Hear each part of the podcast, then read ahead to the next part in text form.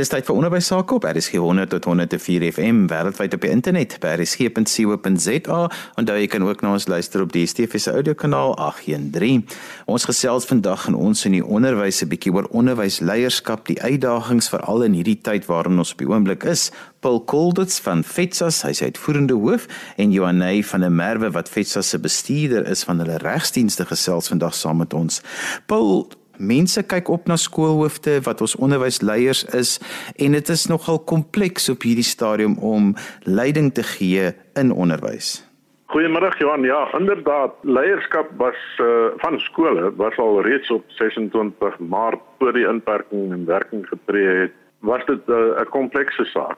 Na 27 Maart het ons in 'n nuwe wêreld wakker geword en nou is dit nog meer kompleks as wat dit voor daardie tyd was. Ek dink min mense besef hoe moeilik dit regtig is in vandag se dae om skoolhoof te wees en hoe alleen daardie werk dikwels is. Jy moet pas staan vir 'n klomp goed in die skool. Johanay kan net nou so 'n bietjie uitbrei oor net byvoorbeeld die regsaspekte wat 'n skoolhoof in die gesig staar wanneer hy of sy skoolhoof word. Maar daar's ook die hele kwessie van die bestuur van die skool as 'n entiteit en dikwels het skoolhoofde nie die ondersteuning van die departement van onderwys nie. Trouwens ek wil sover gaan om te sê dat skoolhoofde skoolleiers oor die algemeen meerendeel nie in die departement se ondersteuning het nie. In, in die persvuur staan om alleen as hy byvoorbeeld nie die hulp van sy beheerliggaam of by personeel het nie alleen die storms wat die skool tref in die gesig te staar en daarmee te handel. Paul, my pa het gesê die ou wat die beste weet is die een wat na die tyd nou terugkyk en dan nou wil 'n opinie lewer, maar dit was vir my interessant geweest dat die bestuur van baie van die onderwysaspekte rondom die pandemie dat daardie bestuur weggeneem is van ons skoolhoofde en dit vir my nogal gevoel dat die skoolhoofde ken gemeenskappe die beste, ken hulle skole die beste en dat baie van hierdie dinge nou, hulle nogal miskien 'n beter bydrae sou kon gemaak het as 'n mens sou kon hulle vertrou het want jy, ons het darem 'n klomp knap skoolhoofde in Suid-Afrika. Wel, dis presies die standpunt wat ek eh, teenoor die minister ingeneem het uh, toe ons met haar vergader het gedurende hierdie uh, inperkingstydperk om planne te beraam vir die toekoms en dit is ek het vrae gesê vertrou die professionele mense wat op die grond is.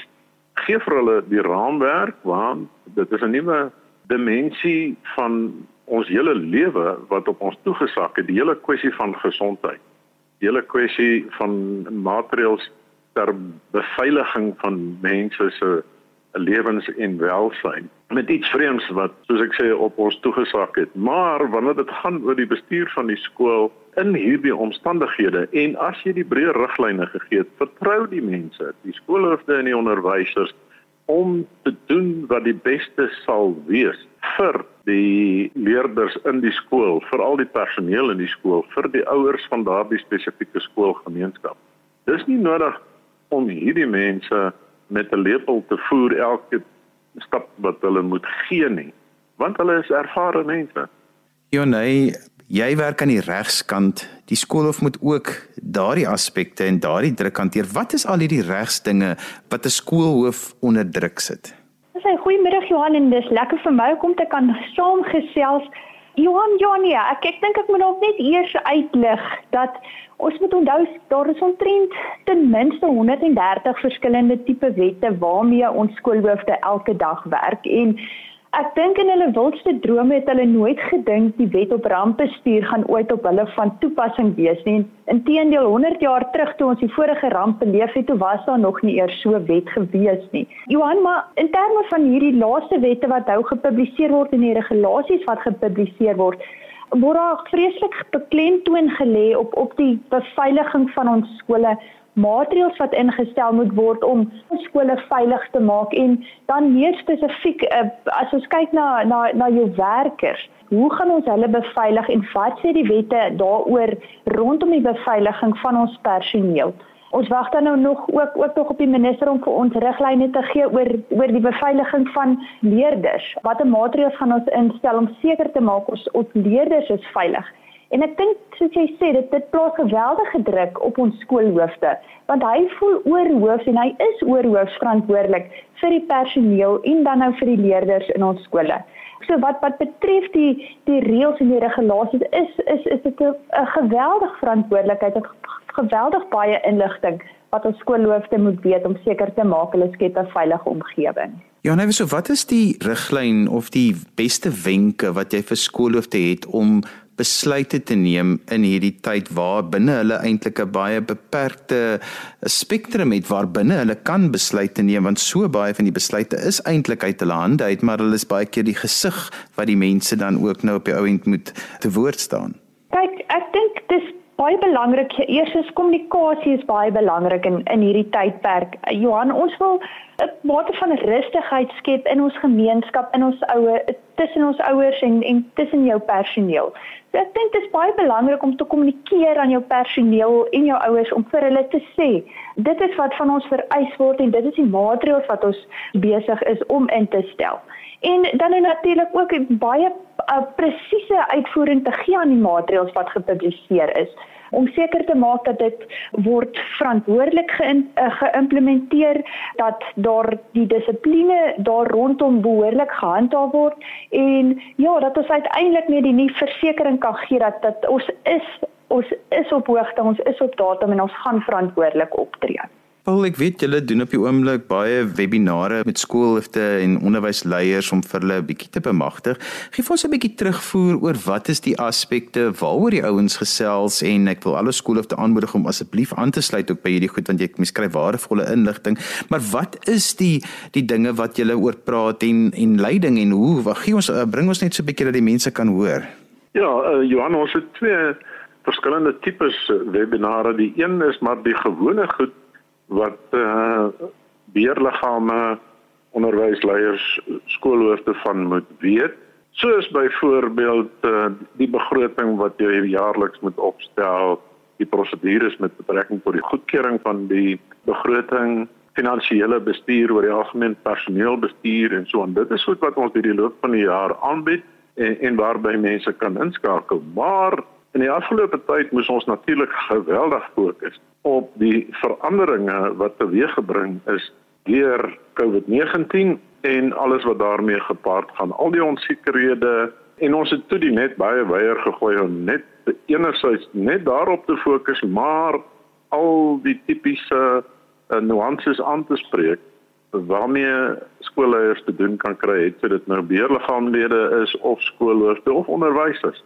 En die tipiese vrae wat vorendag kom aan te spreek vrae soos wat is die beplanning met betrekking tot die ondersoek van mense wat op die terrein gaan kom? Wat se tipe uh, higiëniese toestelle en middele gaan ons aan ons voorsien word? Hoe handhaaf ons sosiale afstand uh, of fisiese afstand in 'n skool waar jy 40 kinders in plus in 'n in 'n klaskamer het? En dan baie belangrik ook hoe hanteer ons die koshuise?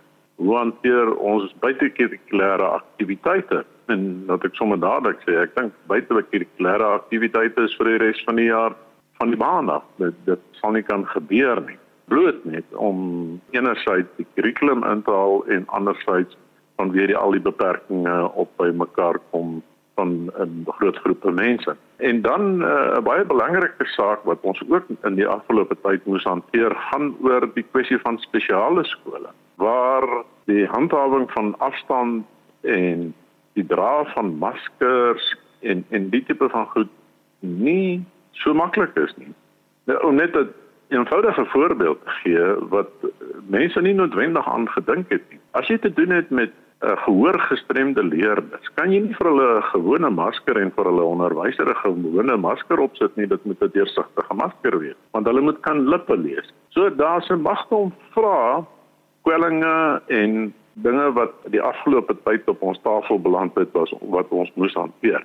Maar in dit alles binne die konteks van die belangrikheid van veranderingsbestuur. Ons is in 'n nuwe wêreld waar die reëls en die visies en die strategieë van voor 27 Maart nou nie meer heeltemal gaan werk nie. En dus moet ons ander strategieë aan hierdie mense probeer voorstel en saam met hulle probeer ontwikkel om seker te maak dat ons kan die uitdagings wat ons nou in die gesig staar die hoof bied. Maar daar's natuurlik ook baie geleenthede. Baie geleenthede met betrekking tot die benutting, beter benutting van tegnologie om by 'n groot klomp kinders uit te kom. En dan is daar altyd die kwessie wat opduik van data. Nou ons het met die departement van basiese onderwys en Telkom gepraat en daar word byvoorbeeld nou vir skole wat unieke Suid-Afrikaanse webwerwe het wat primêr plaaslike onderwys aanspreek om uh, dit verniet toeganklik te maak vir mense as daar onderwysprogramme op die webwerf byvoorbeeld geplaas word. Ja nee, in 'n krisistyd sê hulle altyd as jy nou kommunikeer, moet jy kommunikeer die feite wat jy weet en jy moet daardie feite ook kommunikeer. Dis natuurlik een van die groot foute wat Trump in Amerika gemaak het deur nie daardie riglyn te volg nie, maar dit is ook natuurlik 'n nagmerrie van 'n regsoogpunt af uit is dit jy weet sekere goed, maar daar's so baie wat jy nie weet nie. Watse wenke het jy vir 'n skool of want hulle staan voor gemeenskappe en daar's so baie dinge wat hulle nie weet nie. Ja, um Johan, ek dink baie belangrik en ek dink 'n skelwoord in hierdie tyd is die woord fopnuus. Ek dink baie belangrik is eers om te gaan identifiseer voordat jy kommunikeer, is dit wat ek kommunikeer die waarheid.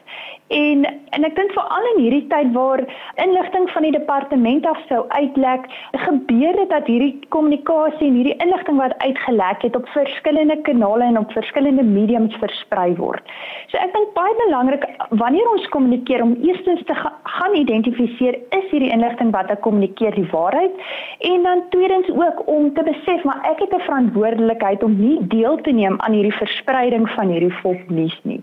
So wanneer skoolhoofde, wanneer beheerliggame kommunikeer aan ouers dat dit seker gemaak word dat die inligting wat ons kry die korrekte inligting is dat dit wel gepubliseer is in die onderskeie staatskoerante dat dit wel amptelik afgekondig is deur of ons president of ons minister en dat ons so aan ons ouers kommunikeer en dat ons in, in plaas van verwarring en onsekerheid in hierdie tyd te versprei eerder 'n mate van rustigheid dan nou kan skep. Paul, iets wat kenmerkend is van hierdie tyd is dat daar word bestekopname geneem. Daar word uh, gekyk na wat het ons, wat het ons nie, al die tipe dinge en 'n mens kan baie keer verval as 'n leier om dan eintlik op net op hierdie lysies te fokus, maar nie noodwendig leierskap in hierdie tyd te wys nie. Watter raad en wenke het jy daar dat 'n mens op die regte goed sal fokus en nie net sal lysies maak en aftik nie? Kyk uh, Johan, daar's daar's baie wat mense daaroor kan sê. Kom ek sê in beginsel net eerstens dat 'n mens in 'n tyd van verandering soos wat ons tans beleef, maar eintlik altyd drie moontlike aksies kan hê. Geen aksie nie en dan uh, raak jy irrelevant. Die tweede een is bloot net 'n reaksie en dit kom nou by hierdie bestekopnames in. Kyk wat het ek? Ek reageer net en en ek bestuur net dit wat ek op hierdie stadium dan wel in my bestekopname te wete gekom het.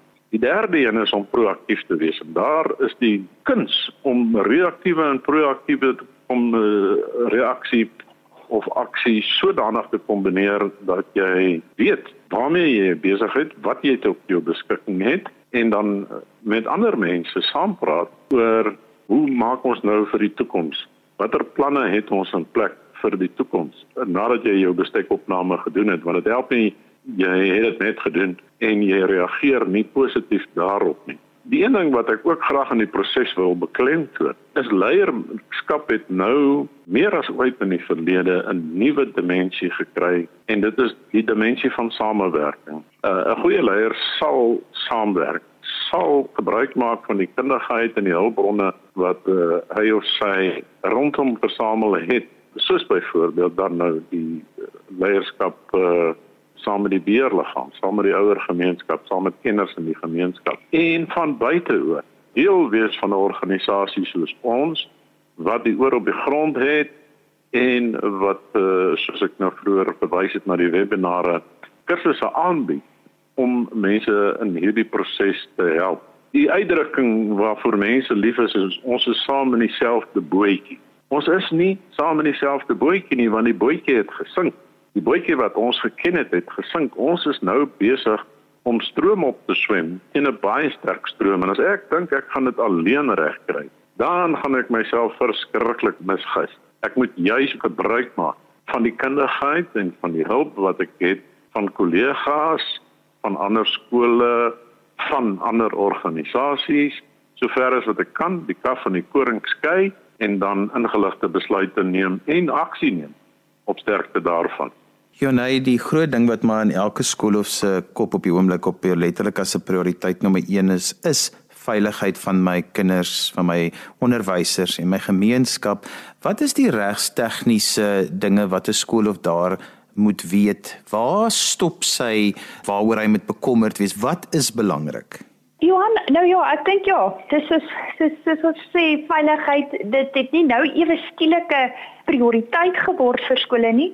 Dit was nog al die jare nog altyd 'n groot prioriteit vir skole.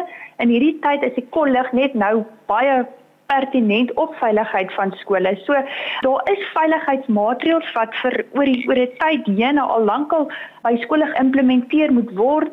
Ons het die wet op beroepsgesondheid en veiligheid wat die beheerliggaam as werkgewer ook moet seker maak dat jou werkplek aan sekere standaarde voldoen.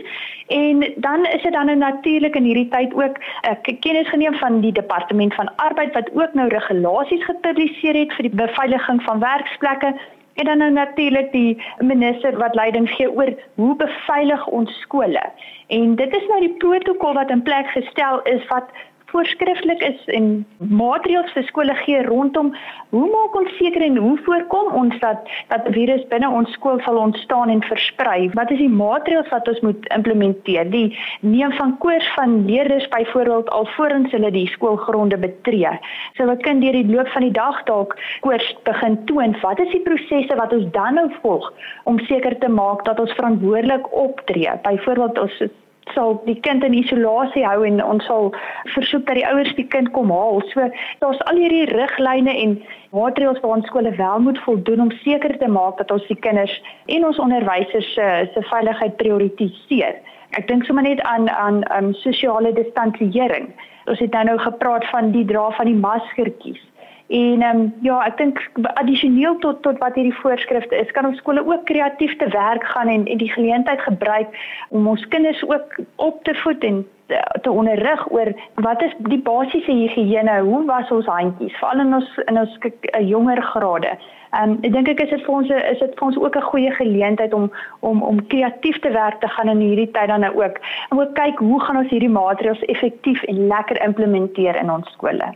Paul, so laaste gedagte, ons onderwysers het nou vir die afgelope paar weke baie harder as gewoonlik gewerk. Hulle was by die huis, maar dit vat baie langer. Hulle moes baie meer dink oor wat hulle doen om vir kinders by die huis te leiding te gee. So as my onderwysers terugkom by die skool, gaan ek nog 'n klompie moe onderwysers hê wat baie baie laat nagte gehad het wat eintlik al in 'n kwartaal se tyd 'n jaar se werk ingepas het en ek dink dit is belangrik dat onderwysleiers daarvan sal kennis neem, maar hoe hanteer 'n mens dit? Ja, inderdaad Johan, ek ek sê uh, vir mense nie webinare. Jy weet dat ons nou meer as ooit in die verlede moet leer om mense met deernis en begrip te hanteer. So enige leier op hierdie stadium moet sigbaar vir sy of haar mense sê ek gee om vir julle en wys dat hy of sy omgee vir hulle. So daar gaan verseker baie trauma wees. Daar gaan veel angs en onsekerheid wees